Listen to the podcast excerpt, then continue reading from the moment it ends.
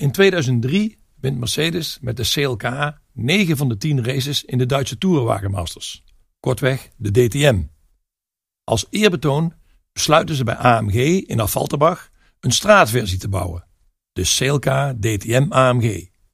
De productie wordt gelimiteerd tot een kleinserie van 100 exemplaren.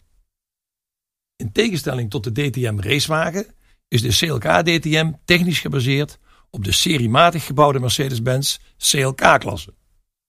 Dat betekent niet dat de CLK DTM niet bijzonder is. Integendeel. De CLK DTM heeft een indrukwekkende bodykit en een compleet gestripte cabine. Geen achterbank, bijna geen isolatie en een koolstofvezelkooi met daarin koolstofvezelstoelen en dito deurpanelen. Tevens worden enkele visuele kenmerken van de DTM raceauto overgenomen. En onder de kap ligt de supercharged 5,5 liter van AMG met voor deze gelegenheid 582 pk.